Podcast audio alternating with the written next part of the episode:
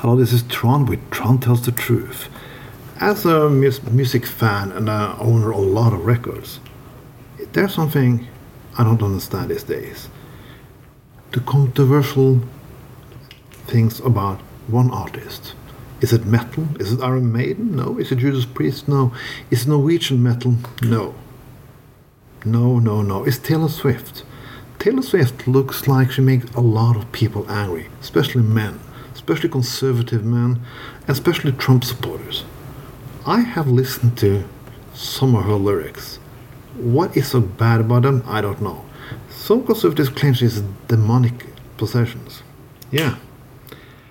Well, this is very strange. I grew up in the 90s. I grew up with hardcore metal in Norway, Norwegian scene. People who were really hardcore, people who was too much for me. They burned churches and they did violence. I cannot see anything of that in Taylor Swift. Nothing at all.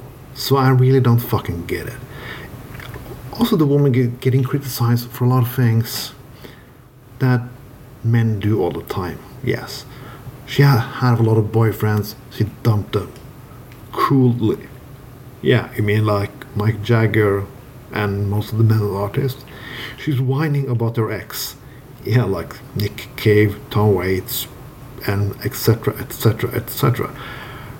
You cannot, more I dig into this, you can only one conclusion. She is a woman. When she does something, it's calculated. When Mike Jagger does it, it's good sense of business. Or with Kiss does it, it's always business. But everything is nice and good about everything other, what we accept from any other type of artist, we don't accept by Taylor Swift. Isn't that fucking weird? And more and more I listen to the woman, I don't fucking get it. It's not my kind of music. It's my niece's music, definitely. But so that's why I don't fucking get it. And the conclusion is not only is she a woman, she's a strong woman. She's an independent woman. When she was screwed over, she took back and screwed them over. She doesn't let anybody fuck around with her. And that scares a lot of people. She's powerful. She's more rich than many other artists. And of course, I can understand if you're an upgrowing artist and have a good musician that you can be a little jealous. Or people who like other kind of music who wish their type of music should be much bigger. I get that. But I grew up just liking what I liked. I don't get angry with people who are more successful in that game. Even if a woman. I think some but there are more. She has given things to good causes. She also treats her staff very well. That's also provoked because it, in modern day society, it's okay to treat the people who serve like shit. You want to ban the unions and piss on the workers.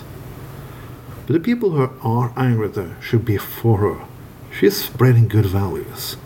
She's spreading another kind of attitude, and she encourages women to take control of their own lives. That's not a bad thing. That's a good thing. But she encourages all the other people also not be screwed. Men too should admire her, not just because she's a woman, because she's a fucking badass, fantastic person. Personally, I don't dig into her music. It's okay, nothing more. She's a fucking talent. That's because I come from another generation, maybe, and I just happen to kind of like other kinds of music. But that doesn't mean I don't respect her. More and more I see angry white people starting to try to slaughter her, I get more and more encouraged to spread her word. I will never be a Swiftie. Sorry, Taylor, but I will never will be. But damn, you are my idol now. Whether you make good or bad music, if you can get so many people angry, especially conservatives, you've done something right. This was Tron with Tron Tells the Truth. Have a nice evening.